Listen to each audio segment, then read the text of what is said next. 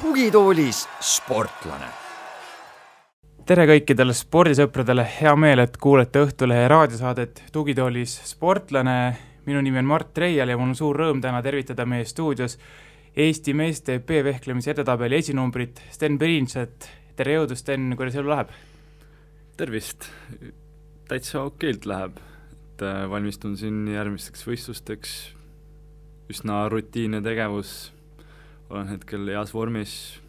muresid pole. järgmised võistlused on sel nädalavahetusel Tallinnas? jah, homme Eesti karikavõistlused. tuleb koju? no ma olen valitsev tiitlikaitsja, ehk siis äh, peab tooma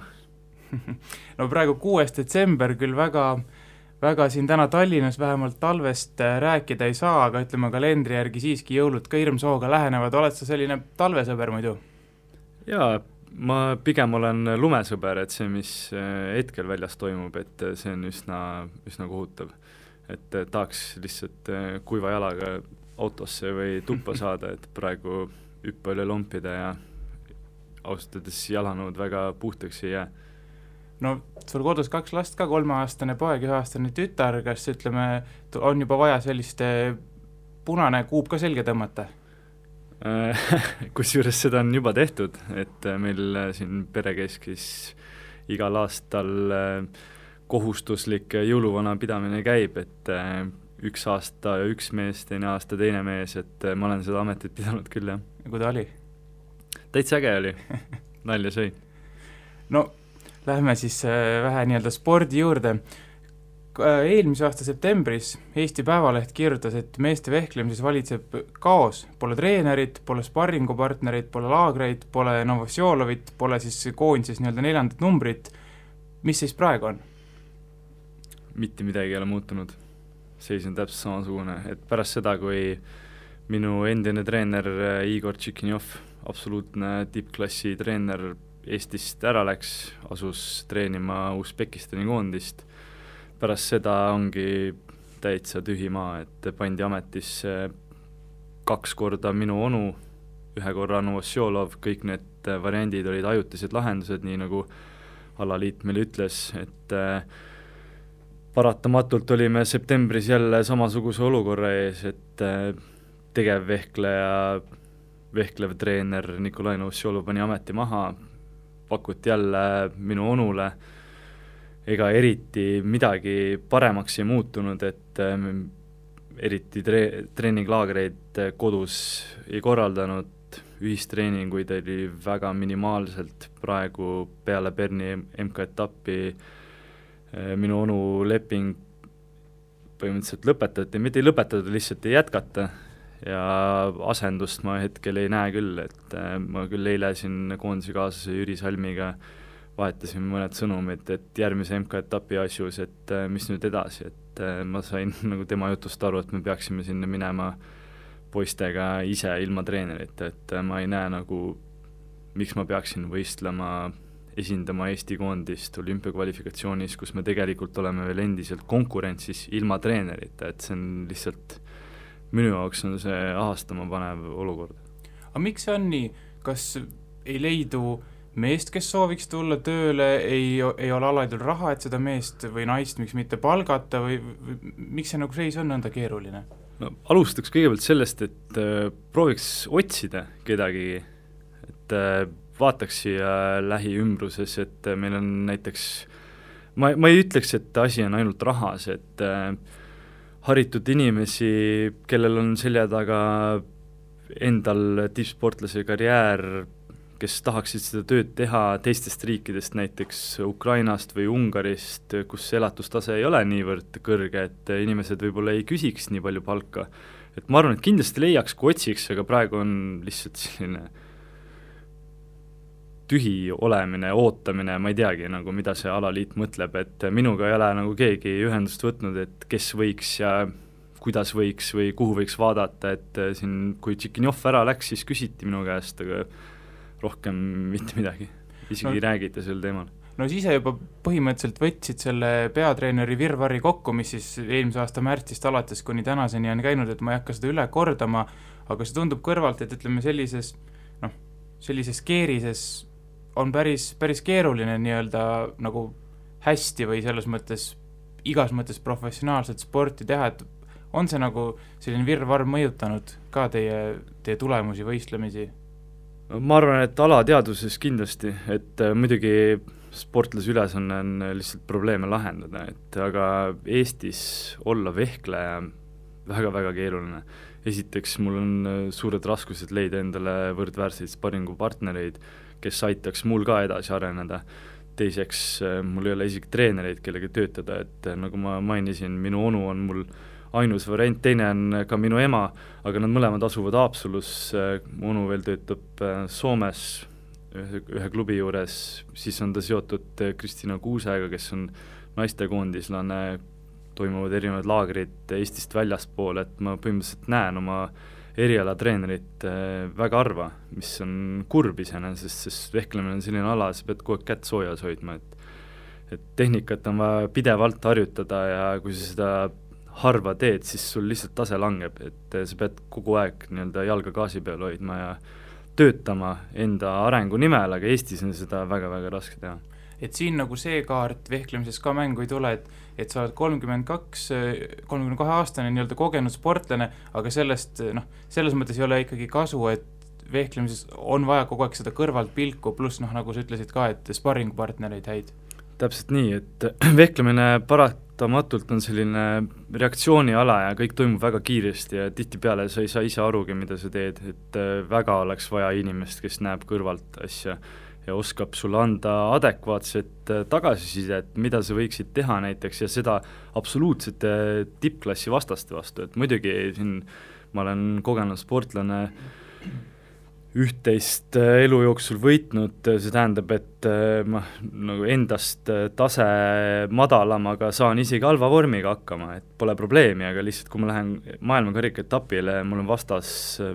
Itaaliat esindav sportlane või prantslane või kes tulevad väga suurest ja tugevast süsteemist, kus toimuvad erinevad treeninglaagrid,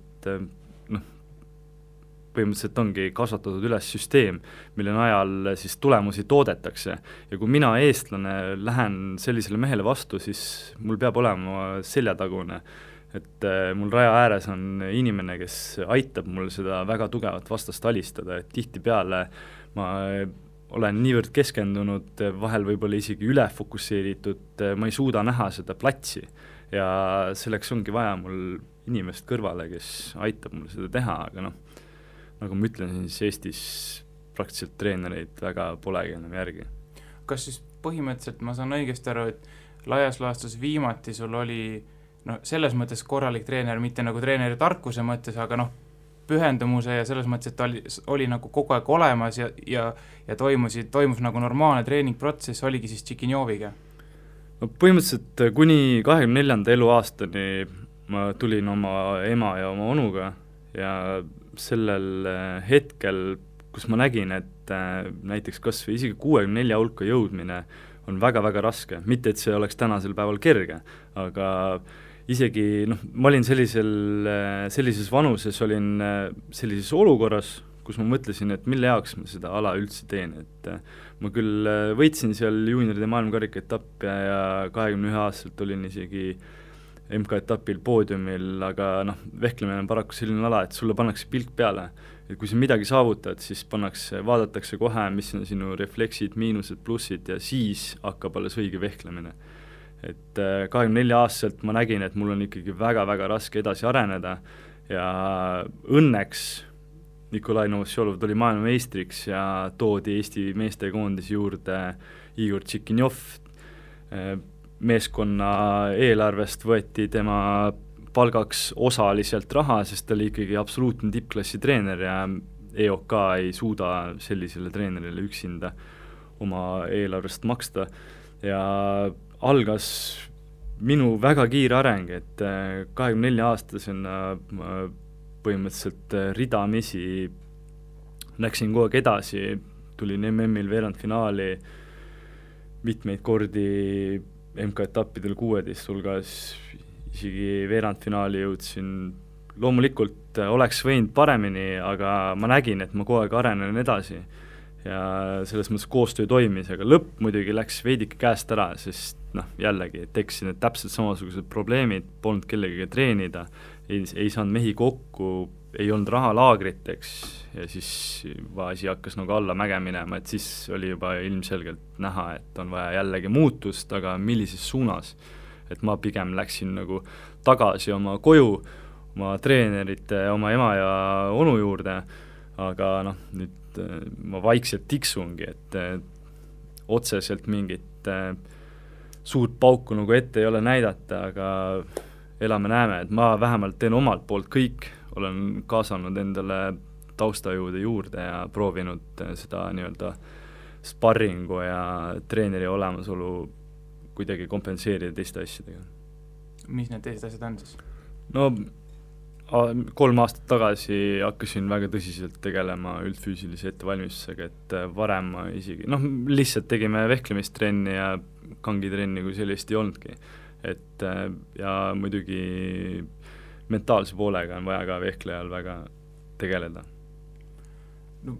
siin vahepeal oligi siis Nikolai Novosjolov, selline noh, natuke vähem kui aasta selline nii-öelda vehklev peatreener siis meestekoondisel kui palju ta nagu sinu jaoks näiteks reaalselt eh, treener oli selles mõttes, et iga, igapäevaselt või iganädalaselt? ta ei olnudki minu treener, ta põhimõtteliselt mina, nii kui ma sain teada, et noh, põhimõtteliselt ma olin ise sellega nõus ka, et ta pannakse, kuna lihtsalt mitte kedagi ei olnud panna asemele.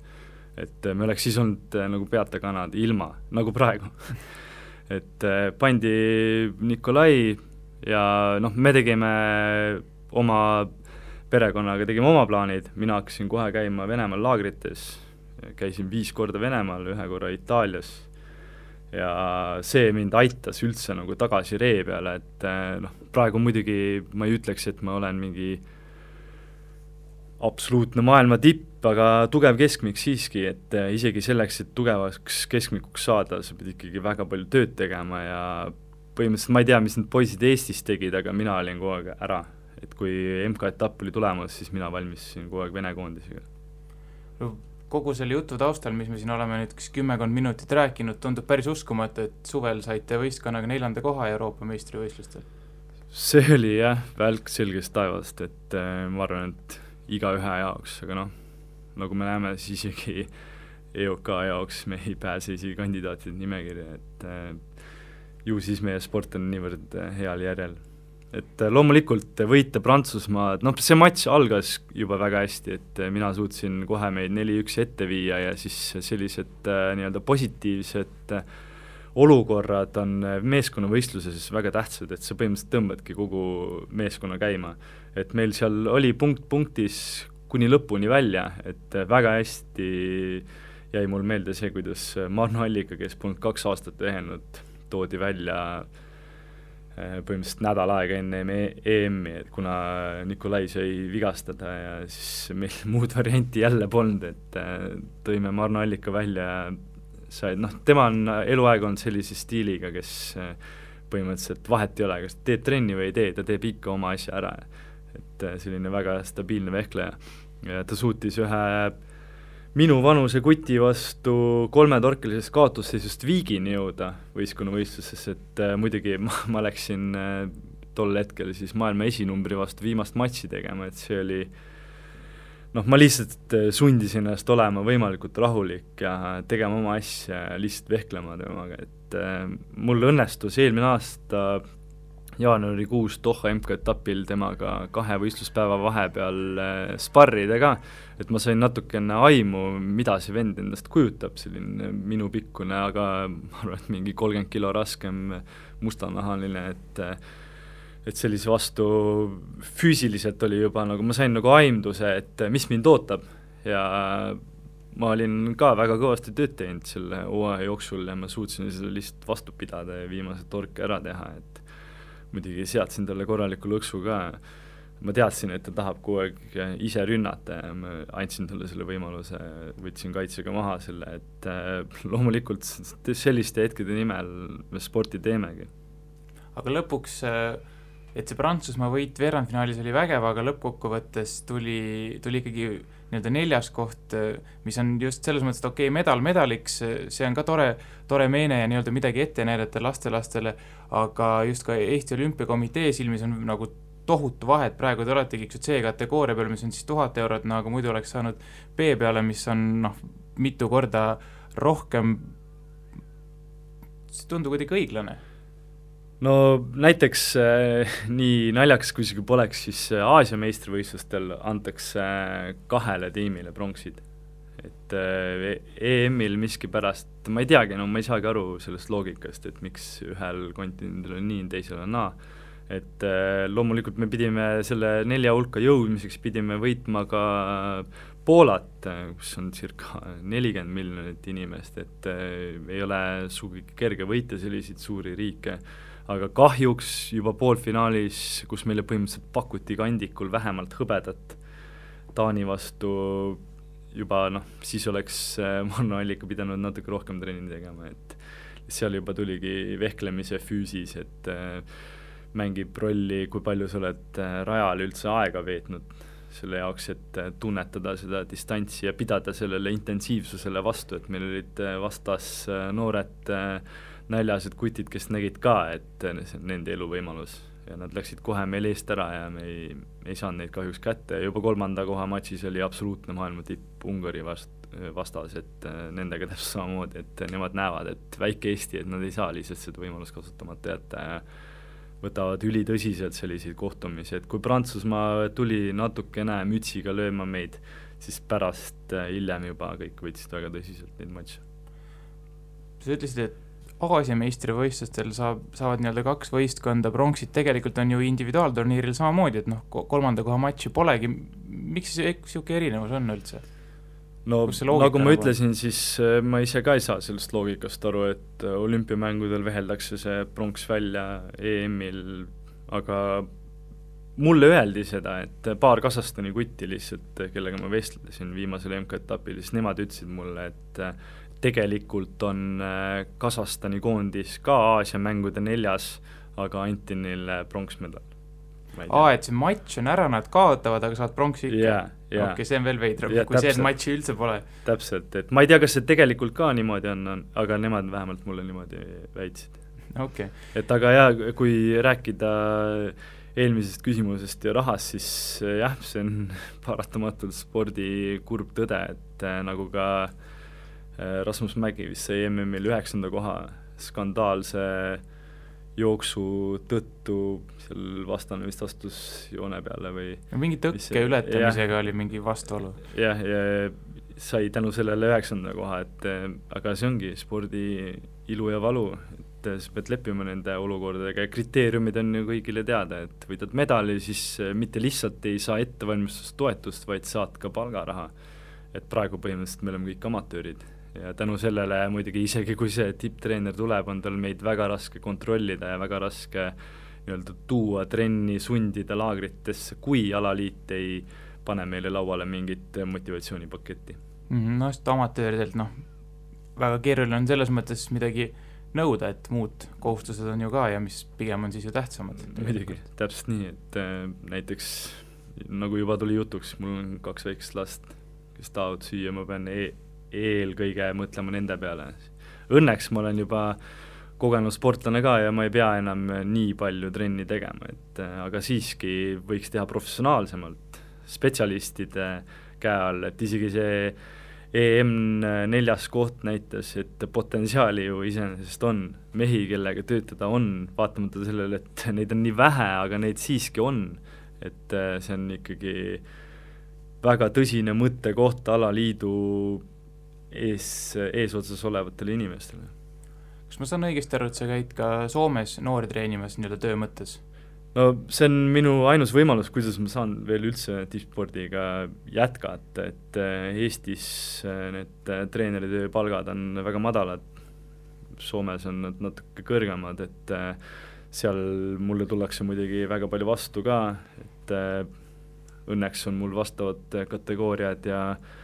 haridus ette näidata, et äh, oskan oma tööd äh, hästi teha ja nad tulevad mulle vastu nii palju, kui mul endal vaja on. et äh, hetkel ma teen nii palju, kui ma saan, nii palju, kui mul energiat on, et ikkagi prioriteet number üks on olümpiamängud. aga kur-, ma mõtlengi, kuidas see treeningprotsess või no ütleme, treenimise protsess siis välja näeb, et sa ise elad, elad Tallinnas, noh, Soome on siit äh, laevaga kaks, kaks pool tundi, noh, kui palju sa saad seal nende noorte jaoks üldse olemas olla siis või mis, mis see teie nagu selline kokkulepe on seal? ma kolm aastat tagasi sain ühe pakkumise Turku linna, hakkasin sealt pihta, mul juba poeg sündis ka ja oli vaja midagi hakata tegema, et et sellest, isegi sellest EOK MM-i seitsmenda koha palgast enam ei, ei elanud ära ja siis pidin midagi kõrvale leidma ja sõitsin Turku, tegin paar-kolm päeva tööd, tagasi koju ja siis kuu aega kodus, niimoodi ma käisin. et äh, selle kolme-nelja päeva tööga täiesti saab nagu hakkama, kui see tuleb spordile lisaks. et äh, nüüd ma küll kolisin Turkust äh, Helsingisse täpselt sellel põhjusel, et saada kodule veelgi lähemale ja olla ära veelgi vähem. et kuidas see treenimisprotsess välja näeb, noh, nagu ikka, trenni läbiviimine, et äh, vehklemistreening, vehklemistreeningul on äh, väga suur osa individuaaltreeningul, individuaaltunnil, nii-öelda tehnikaõppel. et nagu ma ka siin varasemalt mainisin, siis jalga on vaja kogu aeg gaasi peal hoida, sa pead kogu aeg äh, õppima, uuesti lihvima neid tehnilisi elemente läbi ja Soomes on natuke teistsugune süsteem kui Eestis, et kui Eestis äh, laps läheb trenni, ta maksab selle kuumaksu ära, ta saab selle nii-öelda kuumaksu sees juba selle treeneri individuaaltunni kätte, Soomes on, on rühmatrenn ja individuaaltund on puhtalt äh, eraldi, et kui sa tahad äh, saada paremaks, siis sa pead oma rahakotti kergendama, et see on Ameerikaga äh, üks-ühele süsteem, et USA-s kasutatakse täpselt sama. et ühesõnaga, sina käid siis Soomes neid just individuaaltunde andmas, sest noh, teistsugune vist see grupitrenn ja iga nädalas, noh nädalas mis iganes, kolm korda kinnitel aegadel, see ei tundu nagu logistiliselt vist ei mängi välja muu, muude tegemiste kõrvalt? Üks osa ongi individuaaltund ja põhimõtteliselt kui ma lähen sinna, siis ma võtan kõik grupid üle ka, et äh, päevas on tavaliselt äh, kaks gruppi, tulevad üksteise otsa nagu ikka nagu ka Eestis, umbes viie paiku hakkavad pihta ja õhtul mingi kaheksa-üheksa lõpeb, et päevasel ajal on nad eratunde ja nii see käib. aga millised sellised, ütleme, kui pikki sutsakaid sa teed siis näiteks, kui sa lähed, päevade mõttes just? no kuna mul nüüd on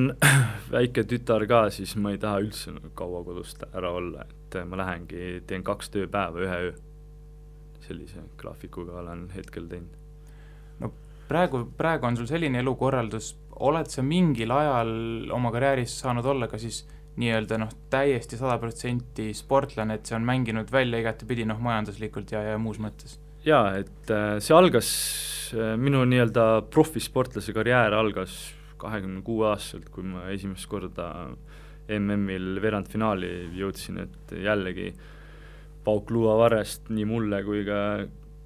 paljudele teistele, et eh, noh, vehklemises muud moodi ei saagi, et see, neid, ainult neid pauke peadki laskma, et see konkurents on nii tihe ja et äh, siis ma sain nii-öelda esimest korda profisportlase palga peale, siis kaks tuhat neliteist aastal oli see väga arvestatav raha, see viissada euri. siis aasta hiljem juba võitsime hõbeda ja siis kaks aast-, hõbeda EM-ilt tiimiga ja siis kaks aastat hiljem olime MM-il veerandfinaalis võistkonnaga. et äh, olen saanud olla viis aastat profisportlane ja ausalt öeldes äh, natuke juba viskas üle ka. miks üle äh, viskas? liiga palju vaba aega. et teed oma trennid ära, aga mis edasi, et äh, noh, muidugi tahaks raha ka rohkem teenida, et äh, kulutused kasvavad endal vajadused suurenevad, mis iganes, põhjuseid leiab alati, miks rohkem raha vaja on. aga see on huvitav, sest tavaliselt või noh, tihti sportlased just unistavad sellest noh, et sellest profielust nii-öelda, et oh, kus, kus siis on vägev ja kus siis hakkab tulema ja ma hakkan tegema, aga sina ütled nüüd hoopis, et noh, et igav oli nagu. no ma viis aastat olin ja ausalt öeldes viskas juba siibrisse ka, et äh, tahtsin natuke rohkem mõelda tuleviku peale, et äh, ma tahaks peale sportlaskarjääri ikkagi võimalikult pehmet maandumist, et õnneks on meil olemas Haapsalus äh, suurepärased tingimused, seal ma ise viin ka treeninglaagreid läbi, äh, toon soomlasi sinna, et äh, vaikselt juba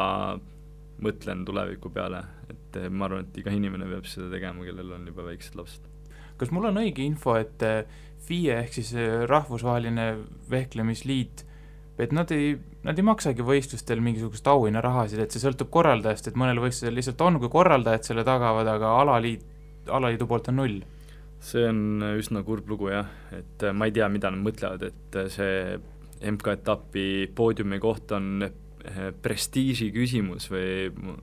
samas makstakse kinni kohtunikele ette-taha kõik asjad, päevarahad, muidugi noh, palka nad peavad saama, see on selge, on ju ja kuidagi need võistlu-, või kohtunikud peavad sinna võistlustele kohale tulema, aga meil on nagu prioriteedid paigast ära, et jah, sportlased ei saa isegi lennukipileti raha tagasi võita. no mis see motivatsioon on üldse käia seal siis? no nagu noh, nende prestiiž see on väga veider et äh, ma tean, ma ise jälgin nagu väga paljusid teisi spordialasid ja ma tean, mis toimub, it's all about the money. aga see on, see on veel, ütleme, see on seda müstilisem, et tegelikult vehklemises no kandepind, no ma ei tea, kas tohutu on võib-olla õige sõna, aga ütleme, et ikkagi lai arvestatavalt, noh, see on ikka igas maailma, maailma nurgas tegelikult on olemas tugevad, tugevad riigid, konkurents on suur, ala on iseenesest ju noh, visuaalselt ja publiku mõttes tegelikult atraktiivne, aga aga raha ei liigu sisuliselt üldse seal. miskipärast Eestis on jäänud selline mulje, et see on mingi väike ja marginaalne ala, aga näidake mulle palun veel üks MK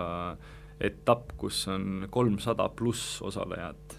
no loomulikult on erinevad äh, alad, kus tuleb kõigepealt kvalifitseeruda sinna võistlustele, aga meil on ka limiit, ühest riigist kaheksa maksimaalselt. ikka tuleb sul üle maailma, vaatad, võtad listi lahti, viiskümmend eri riiki on sul kohal ja mitte ükski vend ei ole selline, kellest sa lihtsalt üle sõidad.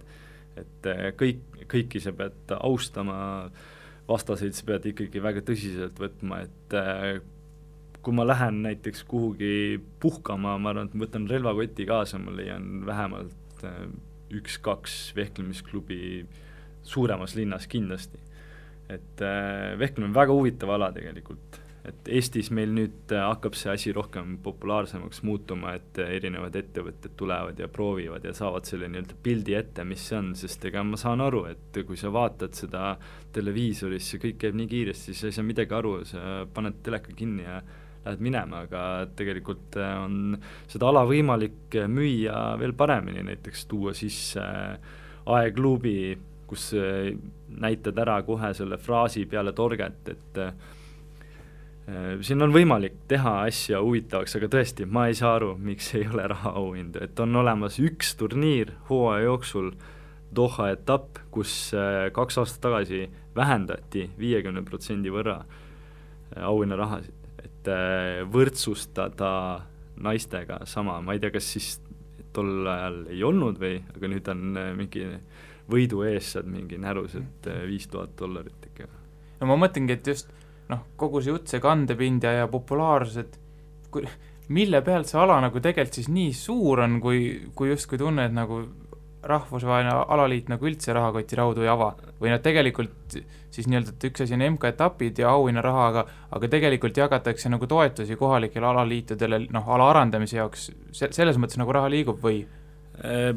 ma arvan, et raha liigub kindlasti aga lihtsalt äh, millises suunas, et äh, sportlased on natuke sõltuvuses sellest alast, sest see on lihtsalt niivõrd äge ala, nagu mida ise teha. Ja sa saad sealt sellise adrenaliinilaksu, et ma olen kolmekümne kahe aastane, ma endiselt tunnen, nagu ma oleks mingi kaheksa-aastane poiss, vehkleb nagu endiselt samamoodi, samasugused äh, nii-öelda emotsioonid toimuvad peas, et äh, ma arvan, et sportlased on lihtsalt sõltuvuses sellest ja kaudses mõttes rahvusvaheline alaliit kasutab seda lihtsalt ära, et MK-etapid aina suurenevad, siin isegi naiste MK-etapil oli praegu Tallinna mõõgal oli mingi kolmsada kaks osalejat. et äh, üldjuhul nagu väga paljud naised ei tegele tippspordiga. et äh, noh, muidugi EP vehklemises on niimoodi. meie muidugi e-, Eestis harrastame ka seda kõige populaarsemat äh, stiili, et floretis ja espadronis ei ole niimoodi, et floretis on sul võib-olla mingi kakssada osalejat MK-etapil, Espadronis umbes sama, mis ei ole just eriti vähe. jah, täpselt, aga siiski, et aga seal äh, on, et see tipp on nagu äh, hõredam, et äh, sul on suhteliselt vähe neid absoluutseid maailma tippvehklejaid, et võib-olla mingi kakskümmend, kolmkümmend, kes on kogu aeg seal eesotsas, aga need on tingitud osaliselt reeglitest, et EP-s meil on olemas üheaegne torge, mis minu ja minu arust tõstab ala volatiilsust, et sul ikkagi õnnefaktor on palju suurem, et sa lähed paari punktiga ette, oled hea kontrarünnaku vehkleja ja suure tõenäosusega selle matši võidad, aga Floretis või Espadronis võid juhtida ka kümme-kaks, aga siiski on võimalik matši tagasi tulla, aga EP-s on see praktiliselt võimatu. no kaks tuhat neliteist äh, aastal ütlesid Õhtulehel, et mängiti internetipokkerit ka puhtalt raha teenimise jaoks, see teema on päevakorrast maas? kui mul laps sündis, siis äh, jah, enam ei näinud nagu mõtet, et äh, võttis liiga palju aega. jah, täpselt, et äh, mitte lihtsalt aega, aga kui sa jõuad peale, peale trenni õhtul üheksast jõuad koju ja pead hakkama uuesti keskenduma, siis noh, parem leia mingi muu moodus selle jaoks, et äh, see on äh, parajalt stressirohke amet. oli seal kuidagi, ma ei tea, kas vehklemine ja pokker kuidagi teineteist ka, ma ei tea, täiendasid või, või, või selles mõttes tulid teineteisele kasuks, sest mõlemad on ju tegelikult mingis mõttes mõttemängud. no minule on äh, öelnud üks äh, sportlane niimoodi, et vehklemine on nagu pokker. ja minu vanaisa on kunagi öelnud, et vehklemine on nagu male ja väga paljusid, väga paljud inimesed seostavad pokkerit ja male omavahel. ehk siis võite ise neid seoseid luua. et kindlasti see adrenaliin loomulikult Äh, strateegiline mõtlemine, külma pea hoidmine, õigete otsuste tegemine pinge all, seal on väga palju ühiseid seoseid. no sa natukene siin jutuajamise alguse poole mainisid, tõid nagu sisse selle, et, et olid, olid mingil momendil need loobumismõtted, aga siis õigel ajal tuli Igor Tšikinjov, eks ju, et see, see nagu nii-öelda kuidagi tõmbas, tõmbas su nii-öelda käima ja, ja, ja nii-öelda päästis nagu sel, need, need mõtted ära. jaa, et äh,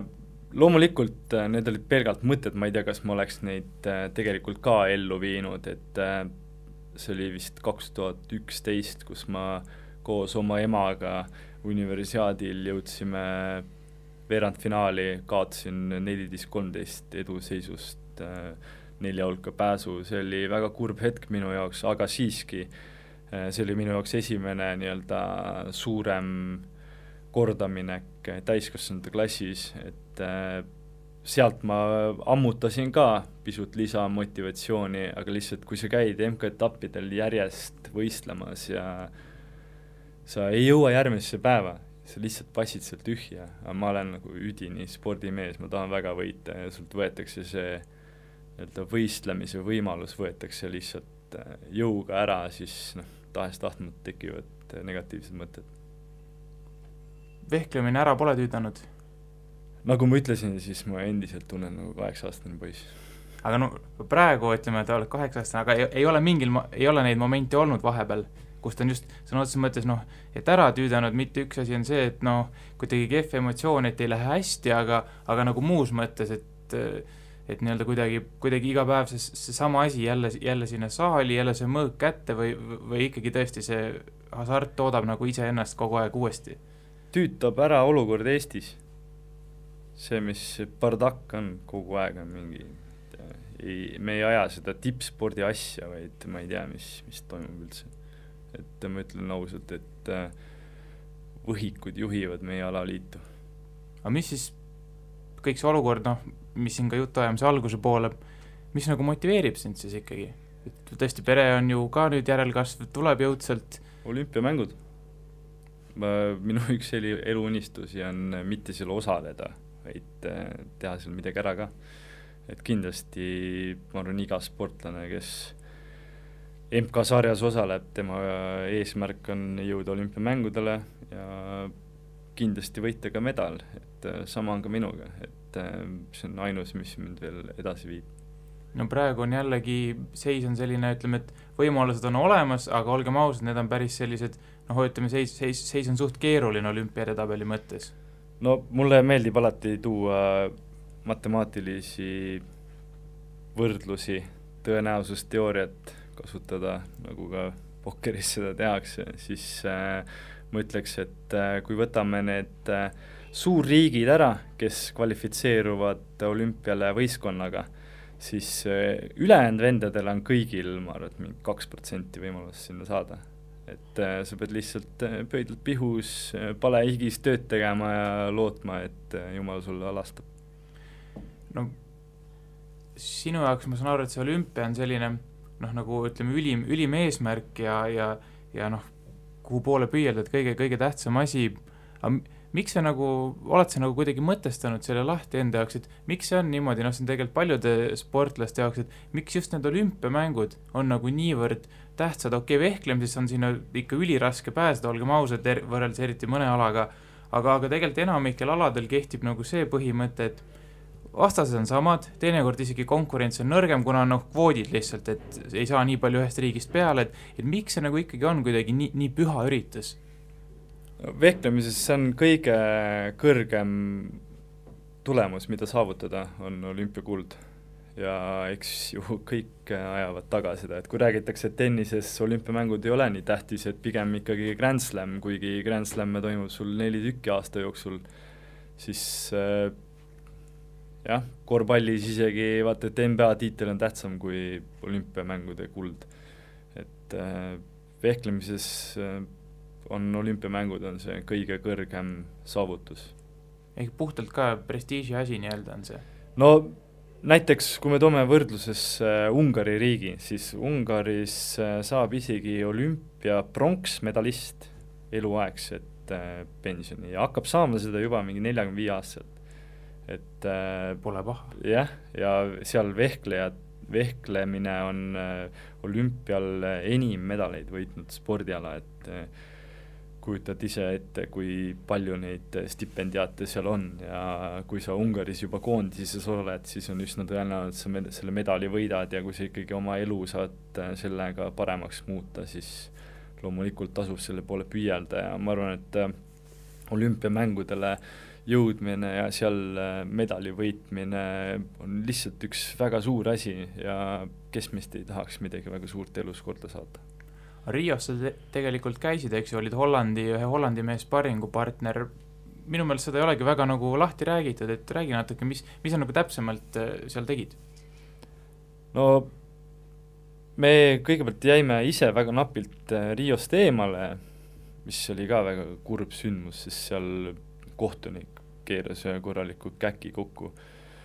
et äh, kaotasin täpselt samamoodi Ungarile niimoodi, et eh, Nikolai tegi võidutorke ja me oleks jõudnud finaali tänu sellele torkele ja aga kohtunik unustas aparaadi tööle panna, et eh,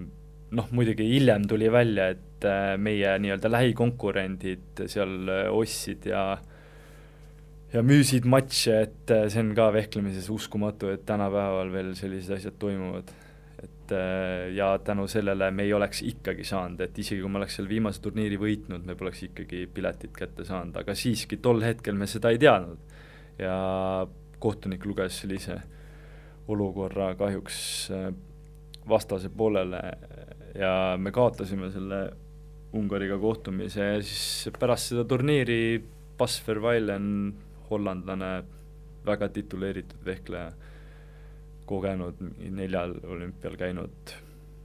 saatis mulle sõnumi, et kas ma tahaksin temaga olümpiamängudele tulla. pikalt ei pidanud mõtlema, et äh, Hollandi delegatsiooniga ma seal käisin, küll olümpiakülas ei elanud, elasin pisut eemal, enne seda olime New Yorgis, tegime treeninglaagri seal. Äh, noh, muidugi minu arust me treenisime üsna vähe, et äh, ta on ka juba kogenud mees, ma ei hakanud seal üldse midagi kommenteerima, tema isa on ta treener ja nagu ma aru sain, siis ta isa ka nagu väga ei, ei sekkunud sinna treeningprotsessi, tegemist oli ikkagi väga tituleeritud sportlasega, et Pekingis oli ta juba kuues. Ja mängisime seal squashi ja korvpalli ja niisugune väga chill õhkkond oli, et ei olnud nagu küll aru saada, et olümpiamängud oleks tulemas. Ja see avaldus resultaadis kusjuures, et ta kohe avaringis kaotas ühele venelasele. Muidugi, kes kaks tuhat üheksa aastal oli juba maailmameister, see selleks, aga siiski, et äh, vehklemises edukas olla, sa pead äh, põhimõtteliselt kogu oma energia pead suunama resultaadi saavutamisse. et ma arvan, et äh, tema seda ei teinud aga noh, see kogemus minu jaoks, näha oma silmaga, kuidas olümpiafinaalis äh, kahekümne ühe aastane korealane tuleb neljakümne ühe aastase ungarlase vastu neliteist kümme kaotusseisust välja täismaja publiku ees, et äh, selle eest tasus juba ära käia seal. aga sa olid siis äh, Hollandi dressidega ka? jaa, täisvormis hollandlane lendav hollandlane nii et ühesõnaga selline olümpiakogemus isegi, isegi siis mitte, mitte otseselt sportlasena, aga seal olla nii-öelda ikkagi köögipoolel ka, mitte päris pealtvaataja, oli, oli väga lahe. ja noh, selline, et kui nüüd koju saan, ma, ma panen kohe rüü selga ja esin väsin trenni. ma sain sealt väga palju motivatsiooni, jah. et äh, seal, sellel reisil olles äh, ma mõtlesin väga, väga tõsiselt oma karjääri üle, mis on olnud, mis võiks olla ja sealt ma saingi endale mõtted, kuidas äh, muutuda veel professionaalsemaks, mida teha ja milliseid inimesi palgata ja nii edasi. et äh, jah, olümpiamängudelt sain palju motivatsiooni. kuidas isaks saamine spordi tegemist mõjutas just selle taustal, et tegelikult ju sellist äh, rändamist on päris palju, nii, nii laagrid kui ka noh, võistlused, et see kodus olemine paratamatult vähem, kui, kui teha lihtsalt noh nii-öelda tavalist, tavalist palgatööd siin kuskil näiteks noh, Tallinnas või, või miks mitte kuskil Tallinna lähedal? ma ei ole üldse palgatöö tüüpi, et äh, kui ma peaks iga hommiku kell kaheks kodust välja minema ja iga hommiku kell viis naasema või iga, iga õhtu kell viis naasema, tähendab, siis ma arvan, et ma läheks päris kiiresti stressi näiteks, et mulle meeldib see vahelduv elustiil, loomulikult on raske, aga noh, tänapäeval on juba kõik võimalused äh, Facetime'id ja videochatid ja nii edasi, et põhimõtteliselt sa saad tekitada olukorra, nagu sa istuksid kodus diivani peal. seda küll, aga ütleme parat-, noh, aga füüsiliselt ikkagi ütleme, mingid asjad äh, noh, sa lihtsalt ei saa nagu nii-öelda aidata, et, et elukaaslast. no tippsportlase karjäär tegelikult ei ole väga pikk aeg ja hetkel ma ikkagi teen kõik endast oleneva, et äh, nii-öelda maksta võlg tagasi siis, kui ma kodus olen. et ühesõnaga praegu nii-öelda on äh, kodurahu on olemas, leping on äh, nii-öelda elukaaslasega sõlmitud, et pane Sten kuni, kuni jaksad ja tahad ja siis küll me seda pereasja jõuame ajada küll ja veel. täpselt nii, et äh, ikkagi ma töötan väga ülla eesmärgi nimel, et ma arvan, et iga naine toetaks oma meest sellel teekonnal. suurepärane. suvel ütlesid Postimehele, et vaimutugevuse mõttes sa maailma tippu ei kuulu, mis sa selle all silmas pidasid? no ma olen hästi emotsionaalne inimene, et ma tahan väga võita ja tihtipeale see nagu ema täpselt nii, et ja vanaisa ja onu ja ma arvan, et kõik minu perekonnas tahavad väga võita ja olla edukad oma erialal. et äh, tihtipeale see lihtsalt pärsib mind, et äh, see on ka põhjus, miks ma juba pool aastat olen tegelenud erinevate spetsialistidega ja isegi võtnud siin kasutusele erinevaid, kuidas ma ütlen siis, ettevalmistusmeetodeid, kuidas oma vaimu tugevdada. saad sa seda avada ka natuke, tundub selline põnev maailm? no mine hüppa korraks neljakraadisesse vette, ole seal minut aega, tule välja, siis vaata kuidas tunned ennast? ma juba praegu hakkas külm aga kui, aga selline asi, kuidas see päris tõsiselt, ku-, ku-, kuidas see nagu aitab siis vehklemise ajal? no see, sa pead põhimõtteliselt, kuidas vaimu tugevdada, sa otsid võimalusi, kuidas panna ennast nii-öelda šokiseisundisse, et ebamugavasse olukorda ja seal siis jääda rahulikuks, säilitada külma pea et vehklemine paratamatult on selline ala, kus sul on tihtipeale punkt-punkti mängu, läheb väga palju matše otsustavale torkele ja kui sa seal vedelaks lööd, siis on võistlus läbi lihtsalt. et äh, aga minut aega seal äh, külmas vees olla, see on äh, sinu kehale väga suur šokk ja ütleme nii, et äh, lihtsalt ebamugav on vähe öeldud oled juba tundnud reaalset kasu ka sellest? Kindlasti, see on juba taastumise mõttes on väga hea. ja näiteks praegu siit ma lähengi kohe krüoteraapiasse, vaatan, mis see asi endast kujutab, et on siin mõned mõtted veel, et kuidas taastumist kiirendada ja ja vaimu tugevdada. aga ütleme, sa ütlesid seda nii-öelda külmašokki hakkasid tegema siin kuskil pool aastat tagasi, aga noh, selja taga on ju pikk äh, karjäär, mis sa varem oled teinud, proovinud ka mingeid huvitavaid nippe? Joogat olen teinud, et äh, minu õde omab joogaõpetaja pabereid ja kusjuures, kui ma MM-il veerandfinaali tulin, siis ma tegin üks äh, viis-kuus joogasessiooni ja see aitab sul palju paremini keskenduda. et äh, vehklemises, nagu ma olen siin varem juba maininud, kõik toimub väga kiiresti ja sa pead suutma vastast lugeda väga suurel kiirusel. et ja selleks, mis sa pead tegema, suutma hästi keskenduda. ja jooga on aidanud seda teha. Ennast maha rahustada ja parandada keskendumisvõimet. siis vehklemine on pigem pigem vaimne või pigem füüsiline ala, mulle tundub, et vaimne. ta on äh, kõike, ta on hästi mitmekülgne ala, et äh, kui ma näiteks viin laste trenni läbi, siis või noh, mitte isegi laste edasijõudnute trenni, siis see trenn peab olema väga mitmekülgne. Ja kuidas sa saad heaks, ongi lihtsalt äh, käi tihemini trennis, et neid asju, mida harjutada, on väga palju. kas sa kaotada kardad? see on olnud äh, üks põhjus ka, miks on need äh, nii-öelda vaimsed probleemid, et äh, alateadvuses, muidu ei karda, aga lihtsalt alateadvuses, sest tahad väga võita, et need asjad on omavahel seoses. ütleme, vehklemisrajale siis minnes, noh, on olnud teinekord siis just ütleme, et hirm, mitte, mitte niivõrd nagu selle vastase või noh, natuke saab haiget ka, see ilmselt ei tee mehele midagi, et mitte vastase ees nii-öelda hirm, aga hirm just selle kaotuse ees, et, et mis siis veel pärast saab kõik, et tõesti, ma pean kas või ütleme, seda järgmist päeva vaatama või noh, või on see muidugi hilisemas faasis, et ma ei tea, ma ei saa mingisugust jälle, ei saa toetust, pean noh, ühesõnaga hirm selle järgneva ees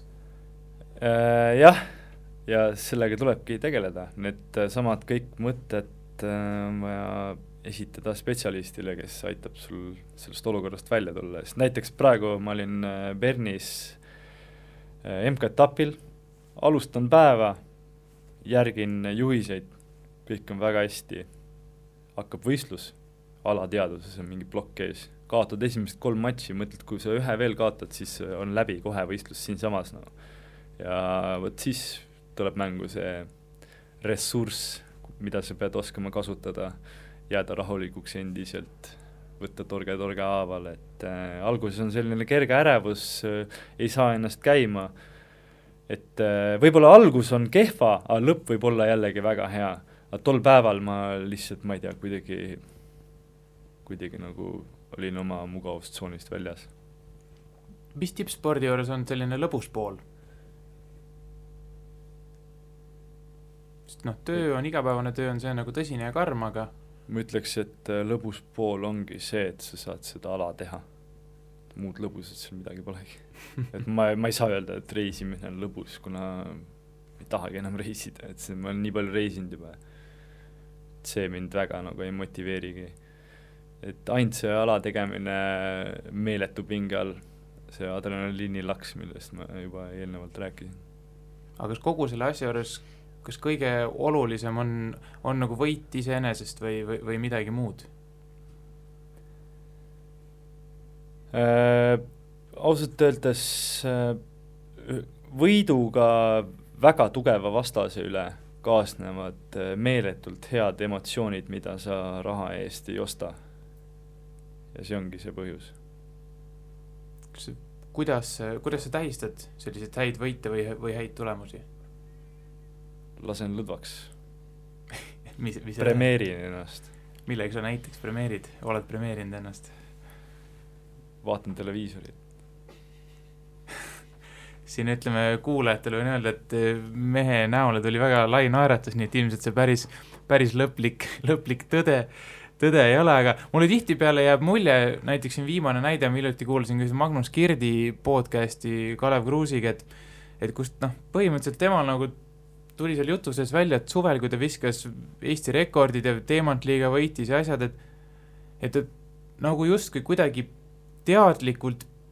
piiras nagu seda, seda nii-öelda nagu rõõmumomenti või sellist nagu tähistamismomenti, kuna, kuna see nii-öelda tippsündmus mm oli veel kuskil kaugel ees tulemas, et, et nagu jäi kõrvalt seda kuulates jäi mulje, et nagu üldse üldse nagu ei olnudki lõbus neid vägevaid saavutusi teha, mis nagu enne MM juhtus, et et siis ma hakkasin nagu mõtlema, et et pagan, et aga mi-, noh, miks nagu niimoodi on vaja teha, et siis, siis nagu kuidagi ei saagi seda naudingut nagu spordist ju kätte, kui sa takistad endal nagu kuidagi teadlikult seda rõõmustamist või tähistamist, et sul nagu seda, seda nii-öelda ütleme, muret või, või, või suhtumist ei ole sellist, et mul on puhas effort reward mentality et äh, teed midagi suurt ära, siis oled äh, teeninud ka lõõgastumise. ehk et tähistamine on ka nagu oluline osa tegelikult? absoluutselt, näiteks mängid sõpradega pokkerit. mitte internetis? mitte internetis. no ütleme siin tasapisi hakkame otsi kokku tõmbama ka, paar, paar võib-olla sellist, ütleme veel nii-öelda rohkem võib-olla vaaria, vaaria küsimust, et äh, kuidas sul praegu nüüd üldse randmega lood on, et äh, kaks tuhat kaksteist juhtus sul tõsine vigastus äh, ja siis veel kaks aastat hiljem ütlesid tegelikult, et see, see nagu justkui korralikult ei tööta, noh praegu on veel viis aastat möödas, et praegu on korras või? no kuna ranne on äh, vehklejal, vehk-, siis äh, nii-öelda töökäsi äh, on äh, pidevalt kasutuses, siis kindlasti tuleb äh, sellega selle tugevdamisega, selle venitamisega, selle taastamisega regulaarselt vaeva näha, et eh, ma olen juba kolmkümmend kaks, taastumine on kindlasti aeglasem ja ma pean sellega kogu aeg tegelema, et eh, ta ei, ei paindu mul üldse niivõrd sama hästi kui minu vabakäsi. et eh, ma küll iga päev tegelen selle venitamisega endiselt aga ega ta väga paremaks ei lähe, et kindlasti ta mingis torkeasendis äh, pärsib äh, liigutuse tehniliselt korrektset sooritamist, kuna mul lihtsalt äh, ei anna see järgi, aga noh, mis teha, selle kukkumise tagajärjel mulle operatsioon tehti ja ega ma seda aega enam tagasi keerata ei saa no jaanuaris äh, Heidenheimi MK-etapiga seoses oli sul selline päris, päris palju seiklusi, et pagas läks kaduma, pidid siis varustuse kokku laenama ja tagatipuks siis kaks mõõka läks ka puruks võistluse käigus, et kui tihti nagu sellist jama juhtub? nii mõlemad, ütleme nii pagasi nagu, pagasijamasid kui ka siis mõõga purunemist? näha on, et olete mu Facebooki lehel käinud. ikka et äh, ütleme, et korra kaks aastas äh, juhtub ikka, ma näen tihtipeale võistlustel ka erinevad äh, sportlased vehklevad kellegi mingi suvalise inimese varustuses, et see on äh, väga halb olukord, kusjuures see esiteks lööb sul juba kohe reisi alguses kaameks, et ma olin kusjuures väga heas vormis, ma käisin jälle Venemaal laagris, just rääkisin oma treeneriga telefonis enne, pagasilint juba töötas, ma rääkisin treeneriga, mis, mis seis on ja kuidas reisi läks ja nii edasi ja siis vaatan, kotti ei tule, et see tõmbab sul kohe moti alla. siis pead hakkama varustusse viima, kus sa saad need asjad, siis ostad mingid asjad kokku, siis tulime Eestisse tagasi, alguses ei tahetud mulle seda rahagi maksta tagasi, mis ma ise ära kulutasin nende asjade peale, alaliit kindlustust ei olnud teinud, et äh, asjad ajavad marru. aga lõpuks siis lahenes? Positiivselt selles mõttes? no ma ütlen, see, see raha pool, et noh, võistlustulemust pead ise kõvasti suruma, et need asjad kätte saada. et eh, ikka tahaks viissada eurot tagasi saada ju. ja nii ta on. nooruspõlves olid kõva kossumees, et siin ka teada on, et Läänemaa korvpalliliiga parim mängija mingil, mingil aastal, kuidas siis eh, nüüd suhted on selle alaga? see on, ma ütleks, et mu teine armastus, isegi suurem armastus kui pokker et äh, endiselt jälgin NBA-d äh, nii kui võimalus on, praegu muidugi ma ei tohi lihtsalt mängida, et see on äh, kontaktala ikkagi ja mulle meeldib ka läbimurde korvi alla minna, et seal on, noh, mul on hüppeliigestega kogu aeg olnud probleeme. et väga lihtne on välja väänata korvpalli mängides, et mulle meeldib pigem üks-ühte mängida kuskil enne vehklemistrenni kellegagi rahulikult, vaikselt. aga tuleb ette ka olukordi, kus siin saab poistega käia natukene aega veeta, saalis loopida, et aga ma jälgin jah, mis Eesti korvpallis toimub, mis NBA-s toimub, mis Euroliigas toimub. olen kõigega kursis. et jah, et see Läänemaa, mis oli aasta kaks tuhat viis, kuidas ma selle tiitli sain, mängisime hästi nõrga meeskonna vastu ja siis ma viskasin ühes võis-, ühes mängus mingi nelikümmend üheksa punkti äkki, seistes kogu aeg korvi all, oodates palli ette siis punkti keskmine, hooaja keskmine tõusis nii kõrgeks, et anti mulle see tiitel. no Kristjan Kuusk käis ka siin saates mingi aeg tagasi ja tema on teada, et on suur ka üldse spordisõber, aga Kalev Cramo mängudel on alati kohal, kui võimalus, käid sa ise ka saalis vaatamas? kui aega on jah, et äh, nagu sa mainisid siin Kristina Kuuske, siis äh, naljaks ongi see, et äh, me Äh, kogu aeg, äh, kui trennis olime ja ei olnud äh, näiteks kaks kahe jaoks piisavalt inimesi, siis ma alati palusin tema ja siis me tegime pea kõigile tuule all. et ta jah, jagab korvpalli täitsa hästi. aga saalis, kui mõni VTB liiga mäng on, siis ikka lähen vaatama jah. et kui ikkagi Unix või CSKA tuleb külla, siis peab minema. aga täna õhtul on ka tegelikult Cramo mäng, Jenisseiga peaks olema oled kohal, ei ole aega? kuna mul on homme võistlused, siis äh, ma ei hakka siin aega kulutama. okei okay,, aga lõpp, põhimõtteliselt ma saan siis aru, et korvpall on suur armastus ja kui kuna praegu pead ennast noh, natuke tagasi hoidma, et lihtsalt vigastusi vältida, aga kui, kui vehklemiskarjäär läbi on, siis äh, nagu Gerd Kanter, et läheb, läheb mänguks kuskil mm. mingis liigas no kui enam äh, NBA-sse asju pole, siis ma arvan, et ei ole mõtet siin mingit kolmandat liigat mängida no selge, selle mõtteteraga ongi hea siis äh, saade lõpetada, suur tänu, Sten, et leidsid aega läbi astuda. aitäh! ja tänud kuulajatele, kes siis lõpuni vastu pidasid, soovime Stenile siis äh, ütleme, kõigepealt head, head võistlust siin selleks nädalavahetuseks ja loomulikult loodame, et see olümpiakadalipust ikkagi õnnestub läbi murda ja unistused täituvad, nii et olge mõnusad, tehke sporti ja kuulake meid jälle siis nädala pärast. aitäh!